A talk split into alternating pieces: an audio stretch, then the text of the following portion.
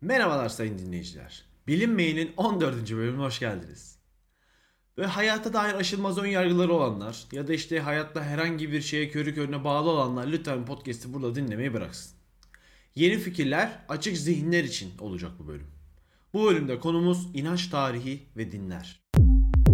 Asıl ölüm bilimden payını almayanlardır. Bilimin sıkıcı olduğunu kim söylemiş ki?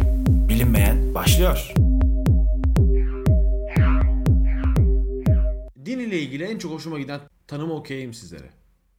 İnsanların doğaüstü güçlere, kutsal saydıkları türlü varlıklara, tanrılara ya da tanrıya inanma, tapınma biçiminde katıldıkları gizemsel olgu.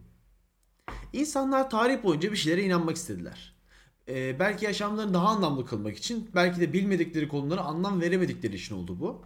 Şimdi fakat uygarlık tarihine bakarsak Göbekli Tepe'den başlayan ilk tapınaklar da gösteriyor ki din her zaman insanları bir arada tutan bir olgu olmuştu. Şimdi insanlar günümüzdeki bireysel hazların ön plana çıktığı son 100 yıla kadar toplumlar halinde yaşadılar.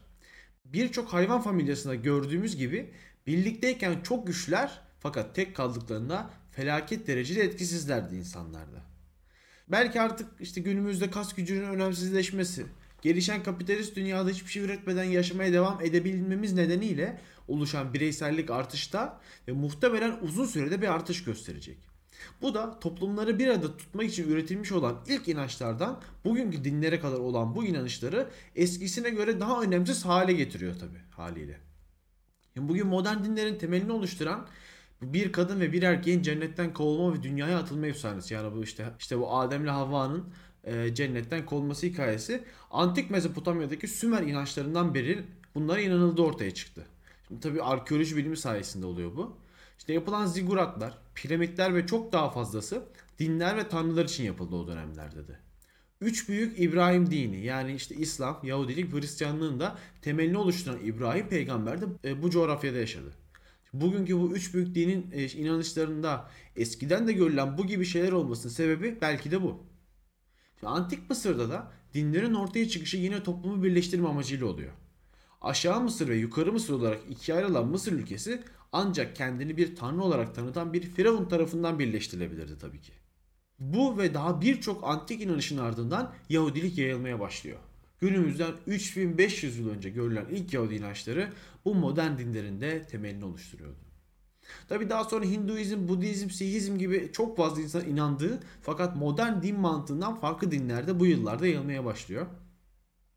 İşte e, Hinduizm'de e, kutsal kitapların veda metinleriydi. Reenkarnasyon inancının bulunduğu bir din olan Hinduizme göre insan öldükten sonra günahları ve iyiliklerine göre yeni bir bedende tekrar doğuyor.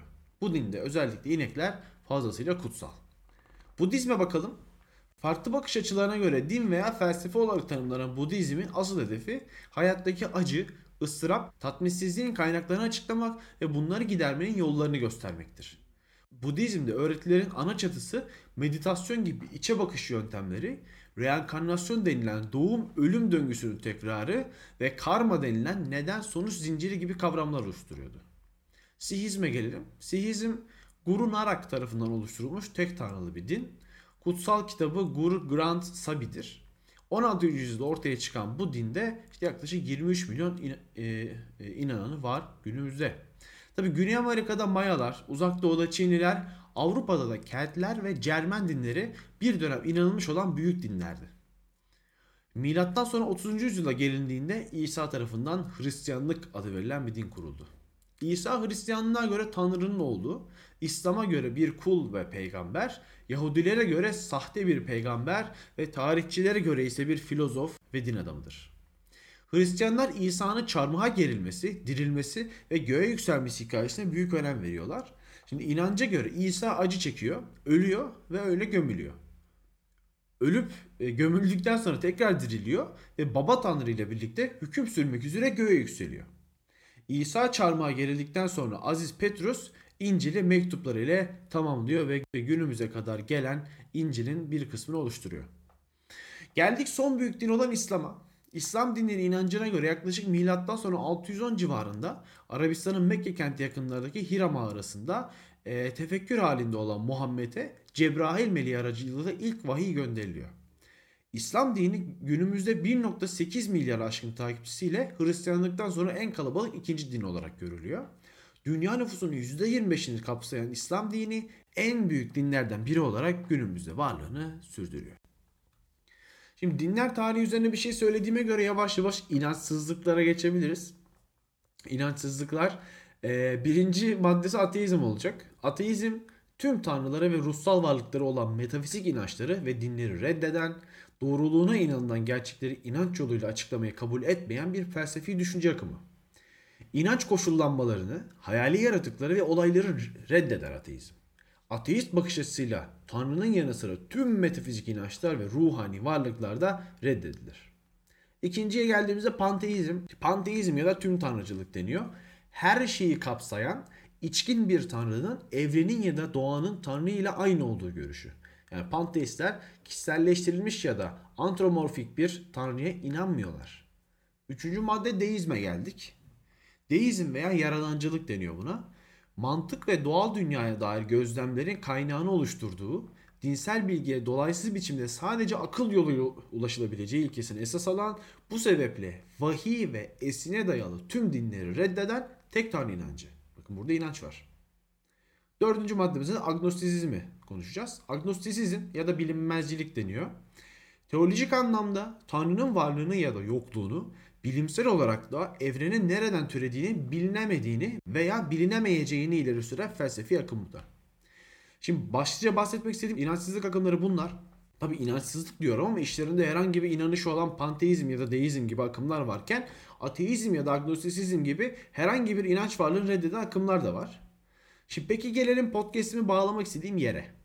Günümüzde tüm dünyada inançsızlık bireysel yaşam ile birlikte artış gösterirken muhtemelen 20-30 sene sonra etrafımızda daha fazla deist, daha fazla ateist, daha fazla agnostik birey göreceğiz. Peki gerçekten tüm dünyada din olmadan bir yaşam mümkün mü? Şimdi BBC'nin bir haberiyle bitireceğim burayı da. 21 Haziran 2017 tarihli bir haberini okuyorum sizlere. Yeryüzünde milyonlarca insan hayatın ölümle son bulacağına, ölümden öte yaşamın ve Tanrı'nın olmadığını inanıyor.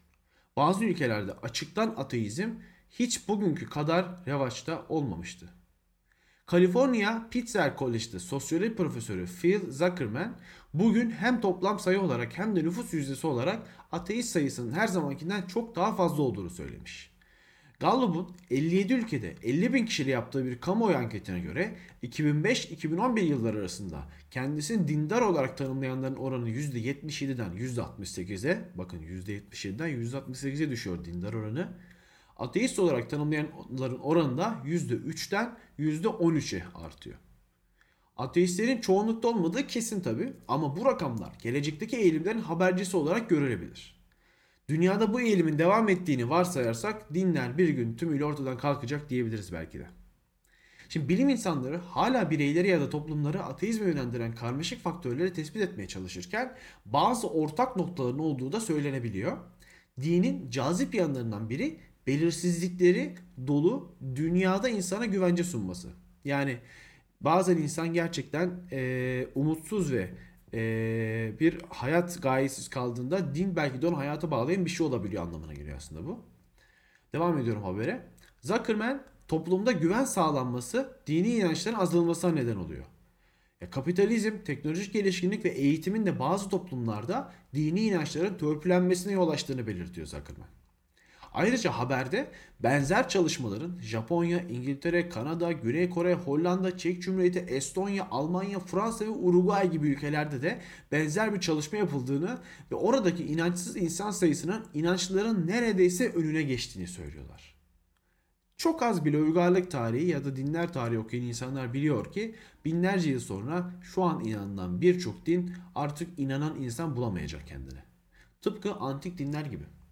Ancak ateizm ile birlikte inançsızlık tüm dünyaya hakim olacak mı dersiniz? Yoksa başka çeşitli dinler çıkacak ve insanlar yine bir şeylere inanmaya mı çalışacaklar? Belki de torunlarımızın torunları bu soruları cevaplayabilir. Evet bu bölümde buraya kadardı. Sağlıcakla kalın. Bir sonraki bölümde görüşmek üzere.